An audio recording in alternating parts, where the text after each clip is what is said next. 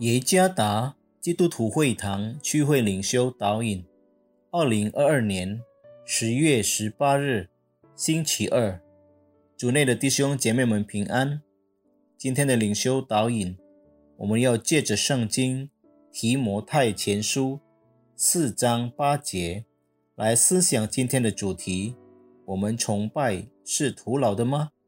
作者洪祖茂牧师。提摩太前书四章八节，操练身体益处还少，唯独敬虔，凡事都有益处，应有今生和来生的应许。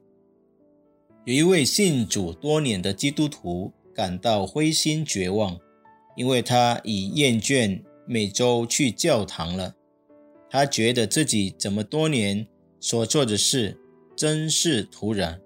毫无用处，因为他完全记不起自己听过的道，他甚至忘记了很多他唱过的诗歌的歌词。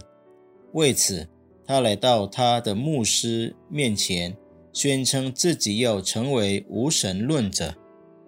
牧师充满爱，亲切地向他举了一个简单的描述，说：“多年来，我的妻子为我和我的孩子做饭。”到目前为止，他已经为我们提供了数百甚至数千种菜单。奇怪的是，我不记得他所有煮过的是什么菜。然而，我所知道的是，直到今天，我和我的家人还活着，这是因为我们每天吃的是健康食品。我们的崇拜也是如此。到目前为止。我们可能会忘记上周的讲道或唱的诗歌，然而我们是否意识到，今天我们还仍然生活在善良的思想中？岂不都是因为我们一直以来所做的崇拜吗？今天的经文提醒我们，唯独敬虔崇拜，凡事都有益处。为什么如此？因为崇拜里。包含了上帝对今生和来生的应许，就像我们有时对惯例的日常生活感到厌烦，但如果我们用心横切去做，那么一切都会给我们带来好处。我们可能对每主日的讲道感到厌烦，但却是因为这些才会使我们继续成长。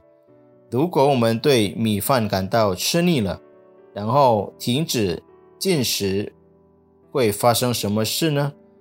因此，我们将虚弱，并且会死去，不是吗？崇拜主不可厌倦。